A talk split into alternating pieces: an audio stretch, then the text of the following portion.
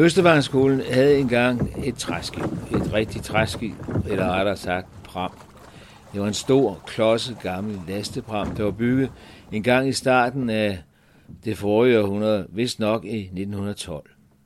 Det var bygget til DFDS og virkede som lastepram på Københavns Red. Der blev, der blev den så bukseret rundt med kul og med sten og med korn og med sand, for den kunne ikke sejle for egen kraft. Omkring 1960 var den sammen med de øvrige pramme blevet overflødiggjort, og så lå den der bare. Omkring 1970 havde Nationalmuseet restaureret Skonnerten Fulton. Den lå i Roskilde Havn om vinteren og var på togt blandt andet med børn og unge rundt i danske farvande om sommeren. Skipper var Mogens Fro Nielsen. Der var et meget spændende miljø omkring Fulton, og en kreds af lærere ved Østervarskolen var helt med på ideen, da psykolog Preben Bulmassen, der også indgik i arbejdet omkring Fulton, foreslog, at vi skulle skaffe, anskaffe os et skiv. Og de økonomiske muligheder var små, så det var ikke noget med sejl og mast og slet ikke elegant skibsbygningskunst, men vi kunne da få pram nummer 29 gratis. Og da den havde et stort og rummeligt lastrum til et dampende fællesskab, så sagde vi ja tak. Marinehjemværnet bukserede det værdige fartøj til Roskilde, og en forårsmorgen stod alle Østervandsskolens elever og lærere og råbte hurra og svingede med flag nede ved havnen. Der lå den så, stor, klodset, og med mere end 50 års tjære på sig, fladbundet, uden elegante linjer og helt uden sejlskibsromantik, og den blev fortøjet uden på den gamle havnemole 10 meter fra kloakudløbet. Mange forældre synes, det var spændende, det var nytænkning, og det var en tid, hvor meget nyt kunne prøves af, men jeg husker tydeligst en far, der sagde, at vi skulle fandme ikke tvinge hans datter ned i det gamle lort. Vi havde været alt for optimistiske. Vi troede, at vi i løbet af et halvt års tid kunne indrette prammen som det store moderskib, der skulle lægges for svej ude i Bosup, eller Kattinge, Vi eller Bones, og vi troede, at vi sammen med ungerne i sløjt kunne masse fremstille optimistjoller, som så hele sommeren skulle sværme rundt om det kære væsen. Vi troede, at vi skulle sove sammen i vores hængekøjer, der var ophængt på kryds og tværs i det store lastrum, mens fjordens bølger blidt vuggede os i søvn efter dejlige solskinsdage på fjorden. Men øh, så var der lige det der med havnelejen. Selvom vi lå uden for havnen, så skulle vi betale havneleje, og så krævede kommunen, at der skulle sættes et søgelænder op. Statens skibstilsyns regulativ skulle følges. Søgelænderet skulle være lige så højt som på en storbæltsfærge. Der skulle være redningsflåde, og der skulle være redningsveste til 30 personer.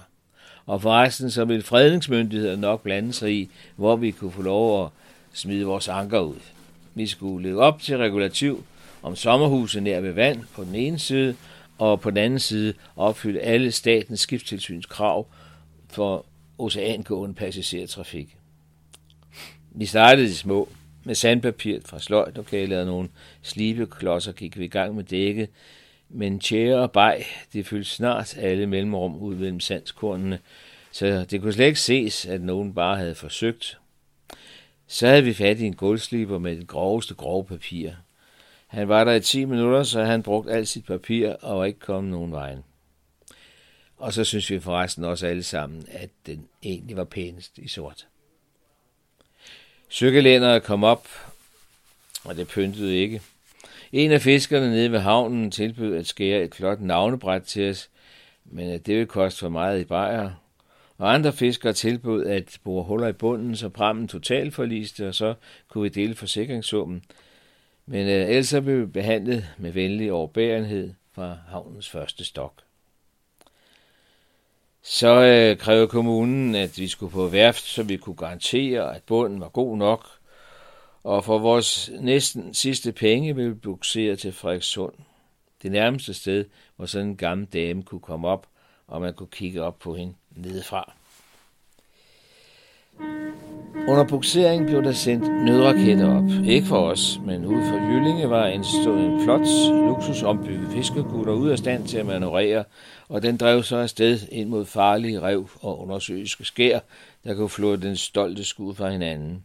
Skibet var allerede dømt til undergang og inden for så lavt vand, at vores bukserbåd ikke kunne nærme sig, men ved en behendig manøvre fik bukserbådskaptajnen svunget den gamle pram, der jo ikke stak så dybt hen, så vi kunne kaste en buksertrods over til havaristen. Det lykkedes, og så havde vores bukserbåd prammen og en luksuskutter på slæb. Så kom Falk rejsende i en gummibåd med svømmedykker, og nødraketten var set inden for land, men vi kunne fortælle, at vi havde klaret ærterne, og hvis de havde lyst til at blive slæbt med, så var de velkommen til det.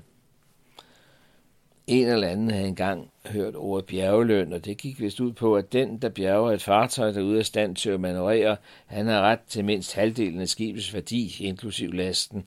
Og vi så allerede for os, at med bjergelønnen, så vil alle vores økonomiske trængsler være forbi.